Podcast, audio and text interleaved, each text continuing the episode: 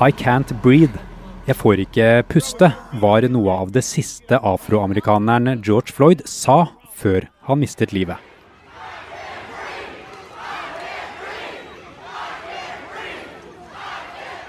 Floyds siste ord er nå blitt slagordet for tusenvis av demonstranter som fyller gatene i hele USA. Dette er Forklart fra Aftenposten. Jeg heter Andreas Bakke Foss. Det er onsdag 3. juni.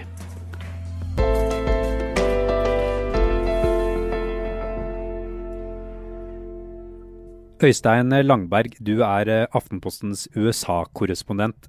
Hvem var George Floyd? Altså, George Floyd hadde jobb som dørvakt, men han mista den jobben eh, for noen uker siden, da koronaviruset på en måte slo inn over hele USA. Det er jo veldig mange arbeidsledige i USA nå. Og det som skal ha skjedd denne konkrete dagen, er at han forsøkte å betale med en falsk 20-dollarseddel.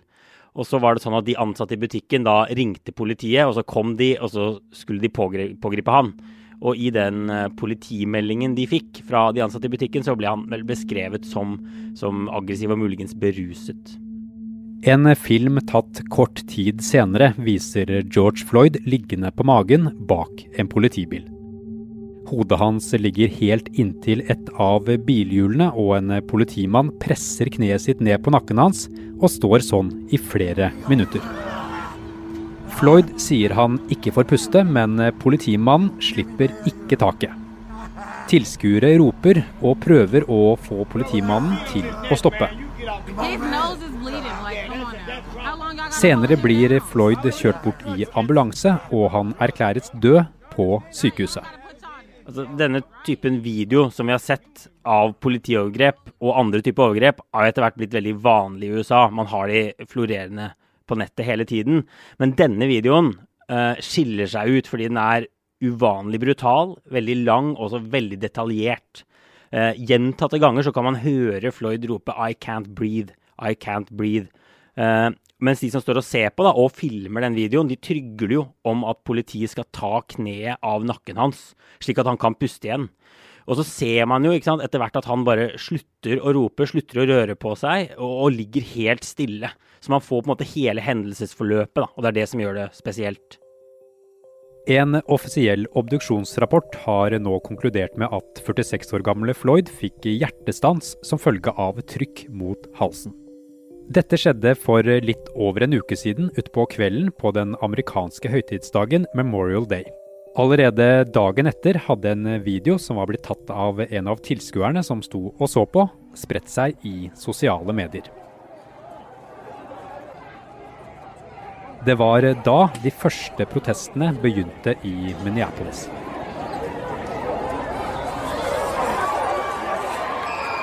Og de ble fort mer voldelige og aggressive. Og nå vet vi at dette bare var starten. Demonstrasjonene spredde seg jo raskt i Minneapolis eh, og ble mer voldelige og man kunne si mer aggressive. Men de spredde seg også utover hele USA, i, bare i løpet av noen dager egentlig. Eh, og noen steder så har vi jo sett demonstranter ty til vold, plyndring, hærverk. Man har satt inn nasjonalgarden eh, flere steder i USA. Eh, mens andre steder har det jo pågått fredelige protester. De siste dagene har myndighetene i flere amerikanske byer beordret folk til å holde seg inne. Protestene har likevel vært voldsomme, og over 5500 mennesker er pågrepet. Men det er ikke bare videoen av George Floyd som har skapt det enorme sinnet.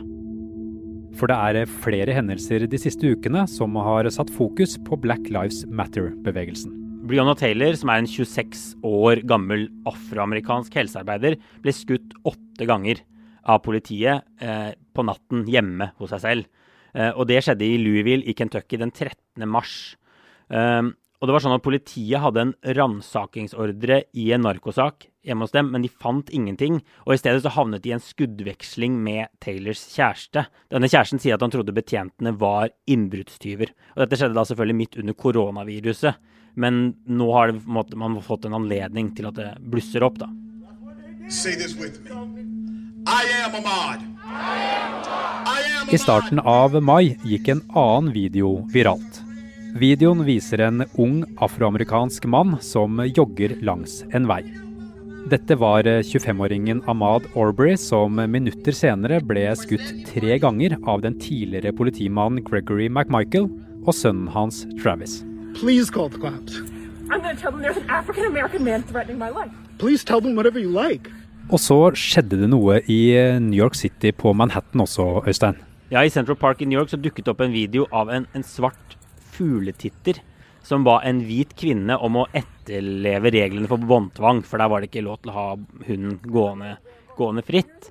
Uh, og hun reagerte da ved å ringe politiet og si at hun blir truet på livet av det hun ropte inn i telefonen var en afroamerikansk mann. Uh, og dette har jo ikke noe med politivold å gjøre, men mange knyttet det til den rasismen uh, svarte amerikanere opplever i hverdagen. Uh, og videoen gjorde veldig mange veldig rasende. I'm being threatened by a man in the ramble. Please send the cops immediately. Behandlingen av afroamerikanere i USA er en svært betent sak. Den strekker seg helt tilbake til da de første slavene ble hentet for over 400 år siden. Og denne debatten om det manglende oppgjøret med slaveriet pågår fortsatt, og gjennom mellomrom så tar det bare full fyr, slik vi ser nå. Uh, og den brutale videoen av Floyd, som roper at han ikke får puste, har gjort mange ekstremt sinte. Og USA er på en måte i en slags unntakstilstand, må vi kunne si, akkurat i de dagene vi nå er inne i. Uh, det har vært protester i over 130 byer, og det er høyst usikkert når landet vil være tilbake til en slags normal. Videoer av politi som utøver vold er ikke så uvanlig i USA. Det dukker opp med jevne mellomrom, men nå er det full fyr i store deler av landet. Og det er kanskje ikke så tilfeldig at raseriet blir så voldsomt akkurat nå. Jeg tror en viktig grunn til det er at videoen av Floyd skiller seg fra andre videoer i måten den får fram brutaliteten på, lengden på, at man kanskje ser at han faktisk dør på denne videoen. Det gjenstår å se akkurat hva konklusjonen av det blir.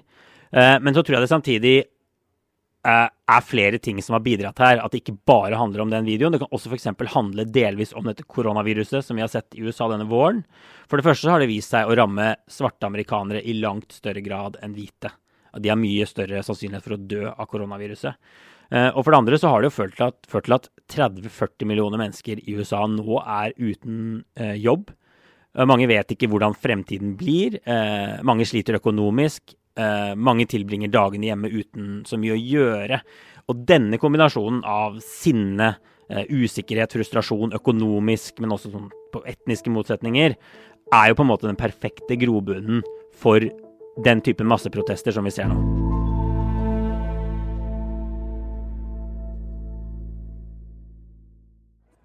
Demonstrantene filmer politiets reaksjoner på protestene og det publiseres nesten daglig nye filmer. En politibil kjører inn i en folkemengde. En politimann til hest rir ned demonstranter. Det blir brukt tåregass, og flere politimenn dytter demonstranter i bakken og slår flere ganger med batong.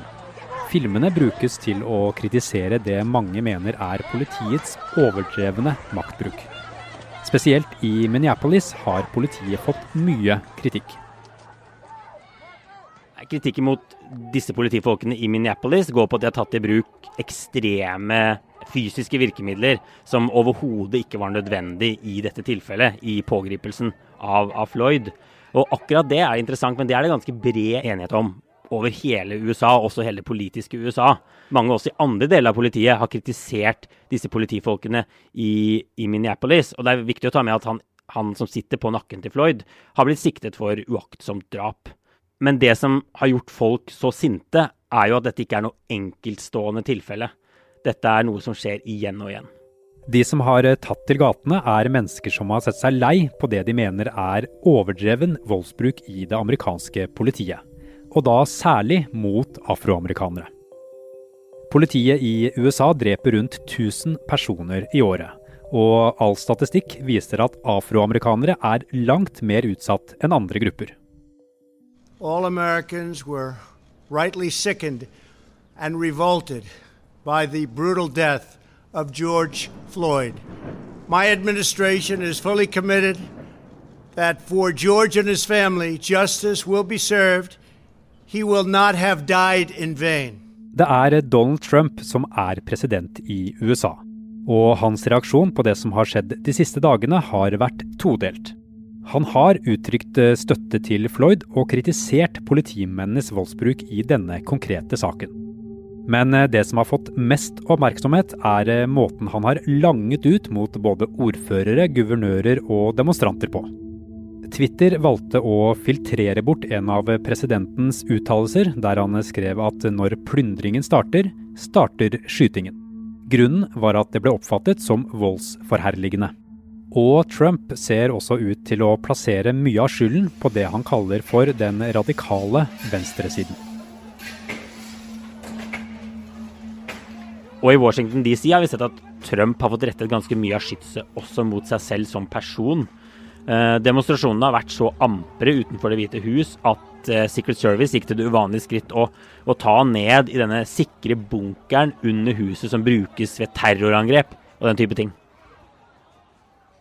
Mandag ryddet politiet Lafayette Park rett ved Det hvite hus for demonstranter. Slik at Trump kunne gå gjennom parken til St. John's Episcopal Church, kjent som presidentens kirke. Der holdt Trump opp Bibelen foran kirken og lot seg fotografere. Men er eh, dette en vinnersak, eller er det en tapersak for eh, Trump, det som skjer nå? Nei, Trump forsøker i hvert fall helt tydelig å fremstille seg som, som mannen som vil gå langt for å sikre ro og orden i USA. Han er ikke mer subtil enn at han på Twitter bare, bare tvitret 'law and order' utropstegn med store bokstaver i pinsehelgen. I am your president of law and order and an ally of all peaceful protesters. Og dersom mange nok amerikanere frykter for sin egen sikkerhet, så er dette et budskap som kanskje kan fungere. I hvert fall i deler av velgermassen. Men Trumps utfordring er selvfølgelig at han risikerer å få skylden for kaoset dersom det fortsetter. Han er jo tross alt den sittende presidenten. Det er vanskelig å gå til valg som en sånn opprørskandidat når du faktisk har Det hvite hus fra før av. Og meningsmålinger viser dessuten tydelig at amerikanere flest har ganske liten tiltro til eh, Trumps evne til å håndtere etniske motsetninger i USA. Dette er faktisk et område han scorer aller dårligst på. Mens han scorer veldig godt på evne til å håndtere økonomien, f.eks. Og kanskje enda verre for Trump, så kom det meningsmålinger fra Hugo nå som viste at 52% av befolkningen mener han er en rasist. Og så er det 37% som sier at han ikke er det. Donald Trump har jo også truet uh, med å sette inn militære styrker mot uh, disse protestene og demonstrantene. Hva betyr egentlig det? Nei, det er egentlig også det samme budskapet, da. At han, han uh, Det aller viktigste er å sørge for at disse demonstrasjonene stopper. At, at volden opphører, og han tror det er det velgerne vil høre. Og dette, er, altså dette budskapet om lov og orden var også det han gikk til valg på i 2016, og som han sikkert tror Eh, kan appellere til mange. Da. Øystein, er det egentlig noe politisk løsning på de problemene som vi ser i USA nå? Det er jo, dette er jo veldig komplekse problemstillinger som det ikke nødvendigvis er så lett å gjøre noe med, selv om man forsøker helhjertet, slik man har gjort en del steder. Eh, F.eks. hadde man håpet at det å utstyre politifolk med, med kameraer på uniformen skulle få ned voldsbruken. Men de resultatene er ikke så veldig gode, eh, sier forskerne. Og så er det noen som har forsøkt å gjøre endringer i rekrutteringen av politifolk. F.eks. å få inn flere med minoritetsbakgrunn, eh, flere kanskje med høyere utdanning. For man har sett at det er et problem, at det har utviklet seg en type kultur i deler av det amerikanske politiet som er litt sånn machoaktig, kanskje litt sånn voldsdyrkende. Eh, og dette er tiltak som kan få mer oppmerksomhet nå, kanskje. Men det er også blanda om, om, det fungerer, og hvilke resultater man har sett fra det. Eh, og så pågår det en debatt om hva som faktisk fungerer. Og en redaktør i New York Times, eh, Spencer Bocat Lindell, han mener at det mest effektive har vist seg å være å innføre forbud, rett og slett, mot f.eks. den typen kvelertak som Floyd ble utsatt for. Uh, også kombinert med å endre opplæringen i konfliktdemping. Altså at man skal gå inn i betente situasjoner med en litt annen vi kan kalle det mindset enn man har. da. Med ønske om å dempe konflikten i stedet for å trekke kanskje pistolen tidlig, da, f.eks. Men handler dette også om å prøve å finne noen politiske løsninger på de litt større utfordringene som arbeidsløshet eller økonomisk ulikhet i USA? Ja, altså jeg tror ikke det er noen tvil om det. Disse demonstrasjonene i dag handler ikke lenger bare om politivold. Og jeg tror veldig mange demonstranter vil føle det som småflikking å justere på måten man utdanner politifolk på, men de mener at dette er liksom mye mer sånn dyptgripende strukturer i samfunnet.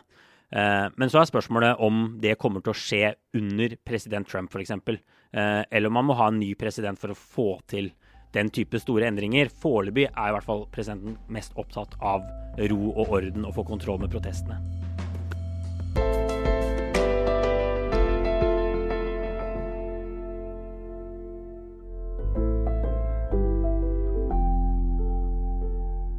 Forklart lages av Caroline Fossland, Anne Lindholm, Fride Næss Nonstad, Marit Eriksdatter Gjelland og meg, Andreas Bakke Foss. I denne episoden har du hørt lyd fra nyhetsbyrået AP.